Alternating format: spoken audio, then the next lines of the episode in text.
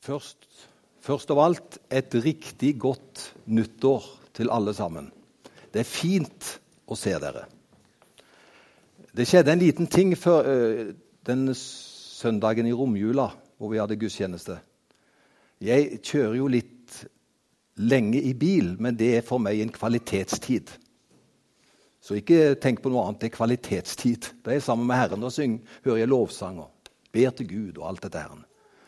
Men eh, det tar litt tid i bilen, så jeg er så praktisk at jeg tar dresstrøya av meg for at det ikke skal bli krøller bak. Så sitter jeg heller i ei sånn boblejakke eller noe sånt. Og så var jeg litt stressa når jeg skulle kjøre hjemmefra da for en uke siden. Så jeg kjørte i den utpåjakka, men glemte dressjakka hjemme. Og hva gjør man da? Da spør jeg Kurt kan jeg få låne jakka di.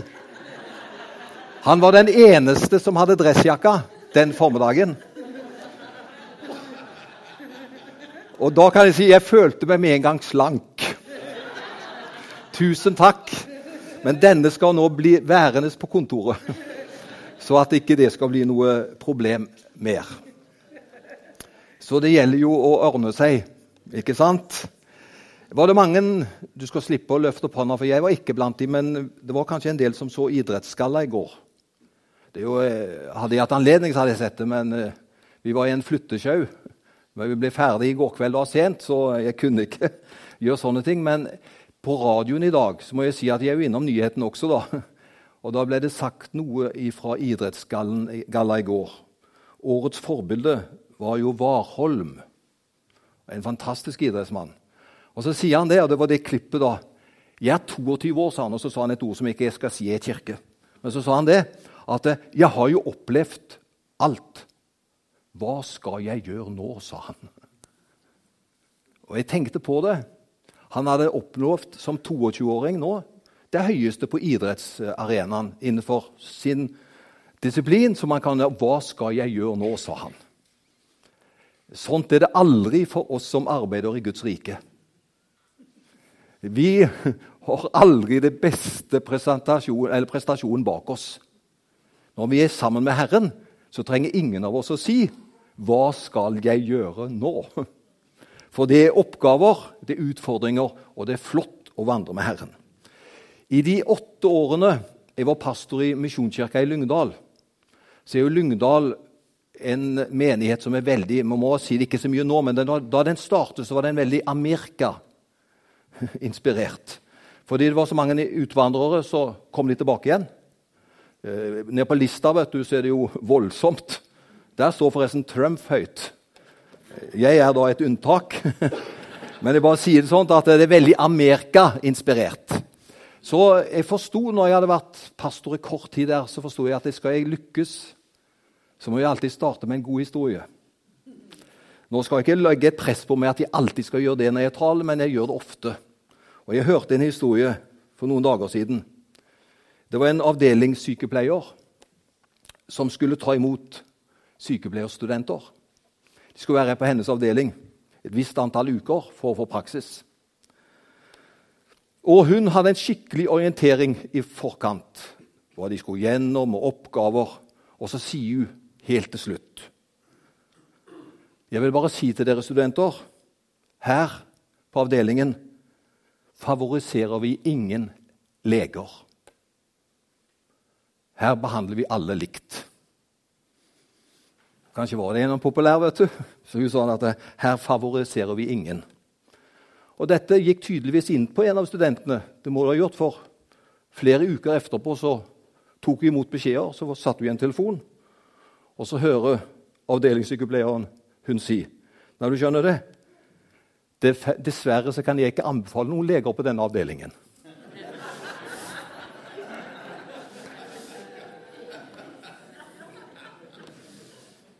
Da skal vi gå til det som er hovedsaken. Det er Galaterbrevet. Og det er kapittel 1.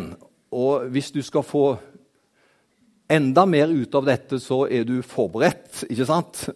Og hvis du ikke er det, så vil du få mye ut av det ved å lese også kapittel 1 en av de nærmeste dagene.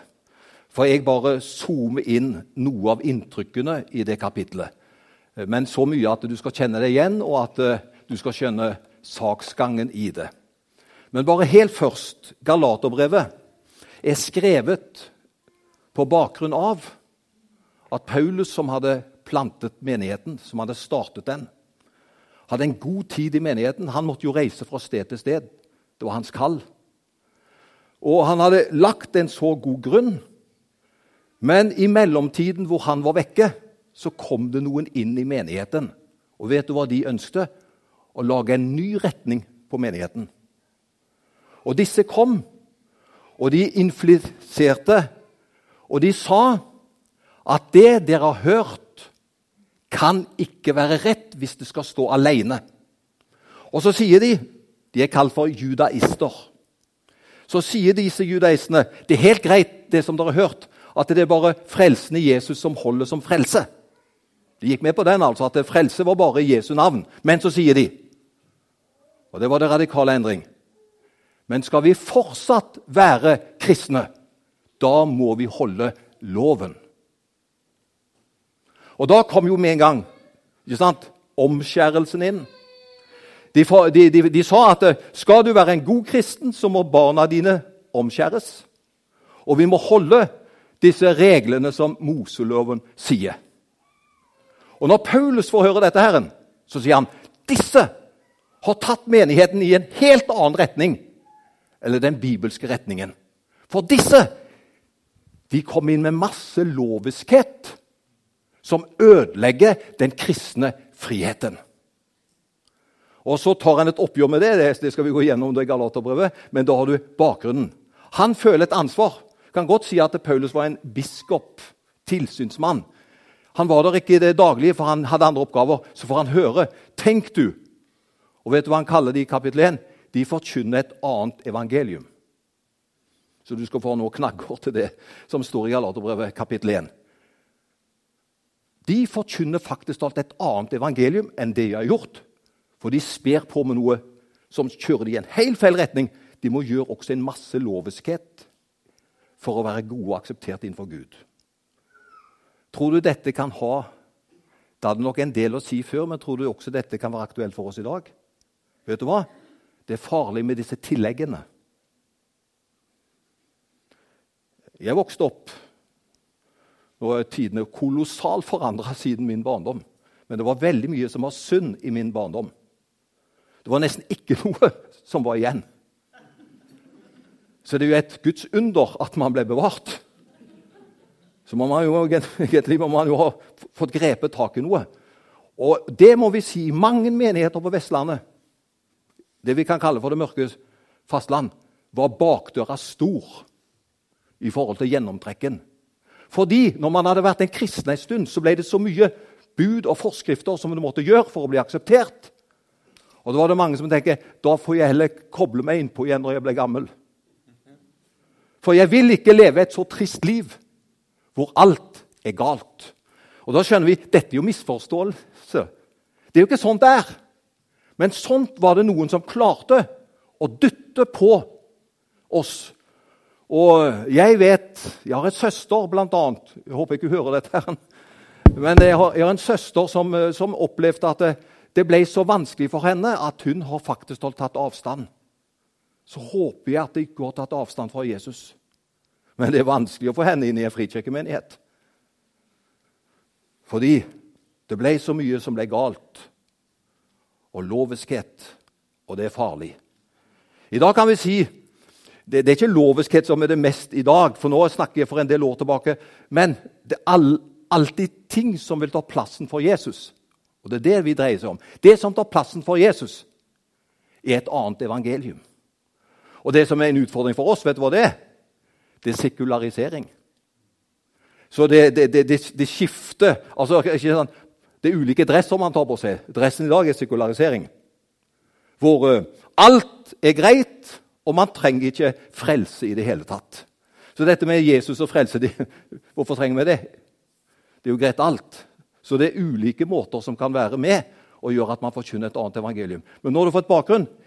For Paulus så var det rett og slett loviskhet. Og da har vi fått det første bildet opp her. Det finnes bare én vei til Gud, og det er det han tar opp i dette, og den veien er ikke loviskhet, altså. Men det er noe helt annet. Skal vi få neste bilde? Nå har jeg bare en liten bakgrunn. Så håper jeg at du kan lese det. I fall skal jeg si noe. Når Gud skapte menneskene, så hadde han en, en klar plan. Han skapte menneskene for at vi skulle ha fellesskap med Gud. ikke sant?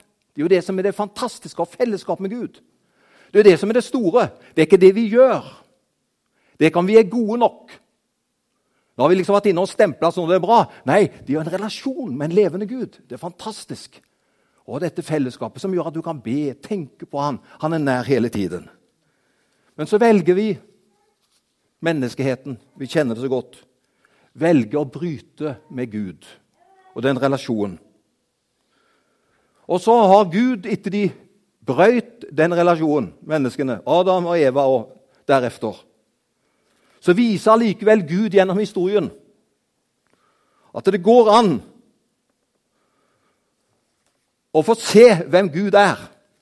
Og for å se hvem Gud er, så skjedde det gjennom Det gamle testamentet. Og så skjedde det gjennom hvordan Gud ledet jødefolket. Bare det at jødefolket ikke ble utslettet til tross for det ble vel sagt som du sa innledningsvis, at det, det var perioder for dette jødefolket hvor de virkelig var både hårnakka og gikk andre veier. Men allikevel, Gud demonstrerte at dette folket vil aldri dø ut fordi de er hans eiendomsfolk. Og Derfor beviser Gud hvem han er, gjennom historien, men også gjennom det jødiske folk.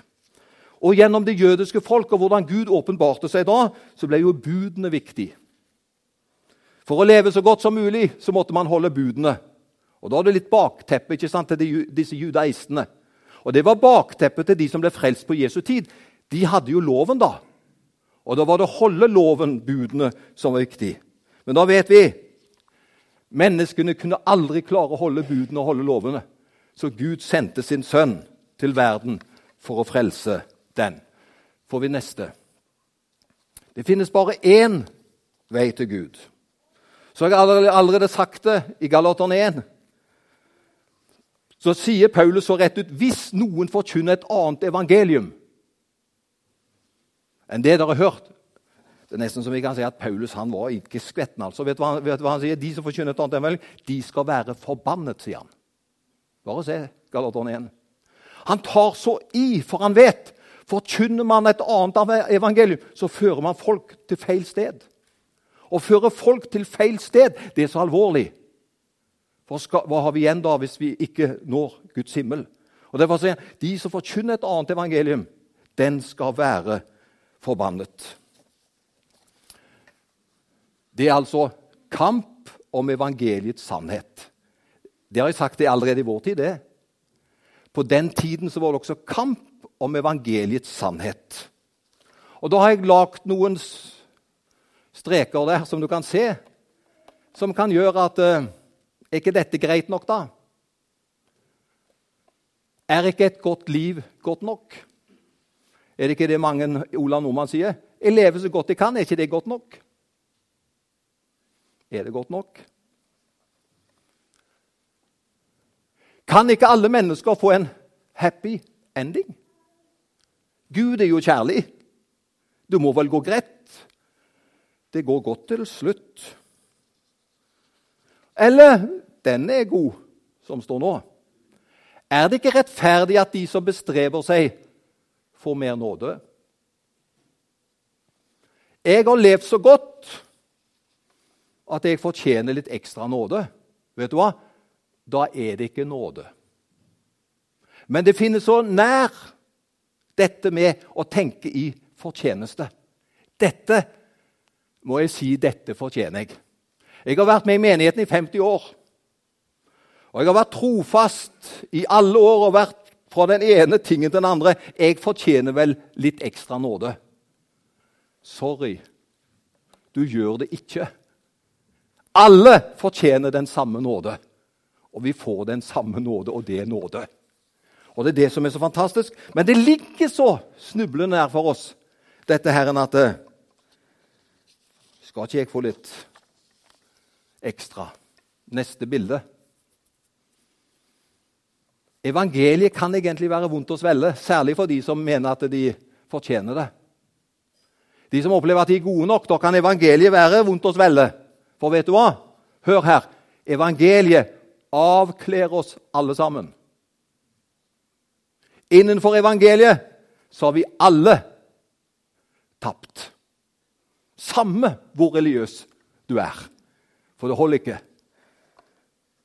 Og Derfor står det, nå skal jeg sitere Hverdagsbibelen For budskapet om Jesu kors høres dumt ut for dem som ikke tror, og derfor går fortapt. Men for oss andre er budskapet om korset kilden til kraft fra Gud. Eller som, som vi kjenner det Ordet om korset er en dårskap for dem som går fortapt. Men for oss som tror, er det en Guds kraft til frelse. Og Vi må bare innrømme det om vi vil eller ikke. For mange så er budskapet om Jesu Kristi redningsaksjon på korset det er en dårskap. De vil ikke forstå det, og slett ikke identifisere seg med verken å stå på den ene eller andre siden i den saken. Det er en dårskap. Men hva har vi opplevd? For den som tror, er det en Guds kraft til frelse. Og Derfor er det ingenting som er så sentralt og viktig som korset. Jeg er veldig glad for at jeg står bak korset her i dag. Ser du fine prekestolen her med korset? Vet du hva? Korset er vår ære. Det var der seieren skjedde. Og det er mer enn et symbol.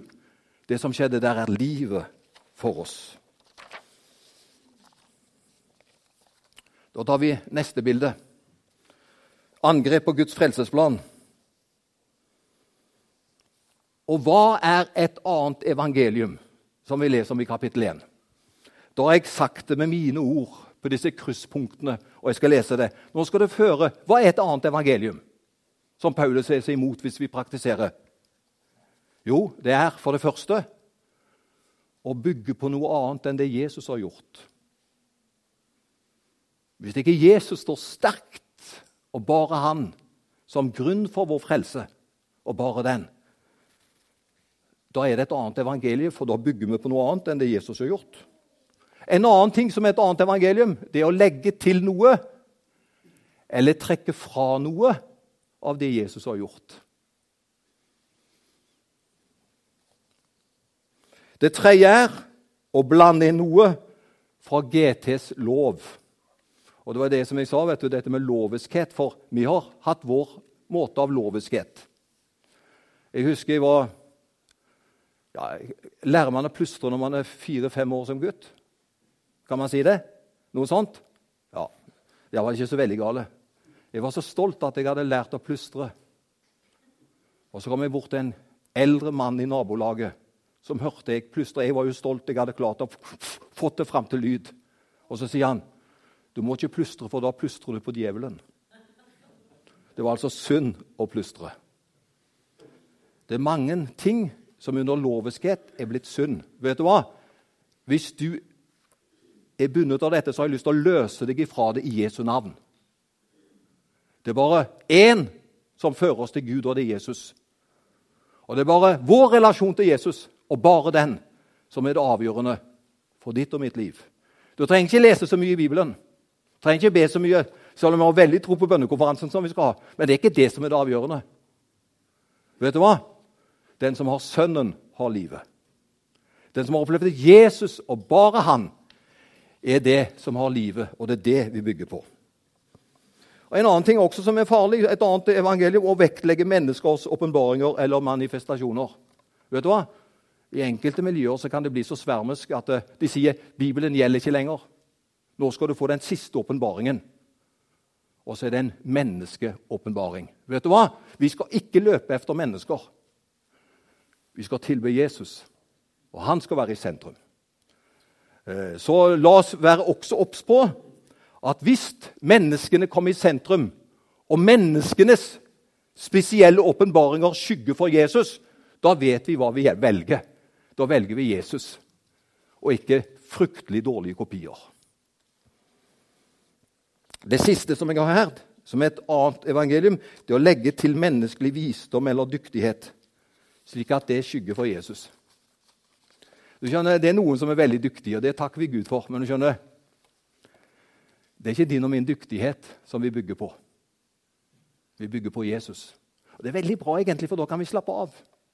Da kan vi senke skuldrene. for Hvis det er våre prestasjoner som skal være basis, da er det et veldig kamp. Er god nok? Gjør jeg det godt nok? Vet du hva? Det er nok det som Jesus gjorde. Det er nok i ditt liv. Vi bygger på Han, og ikke på menneskelige åpenbaringer. Neste bilde. Gud har en plan for oss. La oss fokusere på den. Og Nå er jeg i siste delen av kapittel 1. Der sier Paulus at han gikk lenger i jødedommen eller alle andre. Han sier det at han var med og gjorde slik at kristne ble martyrer. Det er forferdelig, egentlig, hvis du tenker på Saulus utgangspunkt. Han var i en særklasse. Hvis du skulle sammenligne Paulus i dag med noen, altså ikke som Paulus, men som Saulus, så kan vi si at han var en av frontsoldatene i IS. Han var gal. Men vet du hva? han trodde han gjorde Gud en tjeneste ved det. Og det er jo det de gjør, disse radikale. De tror de tjener Gud. Allah. Og så sier han da mens jeg, Og det er fantastisk. Mens jeg enda var et foster, sier han. Hør nå. Han som hadde gjort så mye galt. Så sier han mens jeg enda var et foster, så utvalgte Gud meg ved sin nåde. Og vet du, jeg tenker, det er fantastisk. Nå har jeg nesten lyst til å hoppe. For du skjønner, Når mennesker er i problemer og vanskeligheter, så ser vi det. Vet du hva? Gud ser mye lenger. En som kanskje er der i dag, har Gud sett før han ble født. Dette er for meg et utvalgt redskap. Og han skal bli en som skal forkynne til folkeslagene min store nåde. Og da sier Paulus, for nå har han blitt Paulus, da rådførte jeg meg ikke med kjøtt og blod, men jeg lå direkte under kommandolinjer fra himmelen. Jeg gikk ifra åpenbaring. Og Da ser vi hvordan denne mannen som er blitt totalt forvandla, som nå kjemper med judaister i Galaterbrevet, han sier det. La oss holde oss på sporet, og la oss se hva Jesus har gjort. Og vi skal bygge på Hans nåde, og det er det som betyr noe. Så tar vi Det er vel ett bilde igjen, kanskje. La oss, slik som Paulus var, han ble blendet av Jesus. Tenk han som var så imot. Han sier senere, 'For meg er livet Kristus og døden en vinning'. Han som er veien, sannheten og livet. Og ingen kommer til Faderen uten ved Han. Og Hvis jeg har et ønske for menighetene for oss for det nye året, så er det dette må også vi bli blendet av Jesus. Og vi virkelig bli så begeistret av Jesus og hans evangelium at vi har ingen behov verken for å legge til eller trekke fra. Men det er nåden som gjelder. Er du glad i Guds nåde? Ja, hva hadde vi hatt uten den? Det er en predikant som jeg har lært mye av. Han sa til meg, og Da var predikanten blitt over 80 år, så sa han Sten sa han, jeg er en storforbruker av Guds nåde. Og Jeg syns det var så fint sagt. Jeg er en storforbruker av nåde fordi vi trenger det. Og da blir vi også nådige. Ikke et annet evangelium, men evangeliet skal vi be sammen. Vi takker deg, Herre, for ditt nærvær. Takk at evangeliet holder oss på sporet og hjelp oss at vi er der. At vi ikke legger til eller trekker fra. At vi ikke på noen måte avsporer, men at vi kan være i din strøm. Og hjelp oss at vi kan ha rett fokus som menighet når vi nå skal gå inn i det nye året. At vi gjør det med så tro på korset, så tro på evangeliet. Det er det som kan forvandle oss. I Jesu navn. Amen.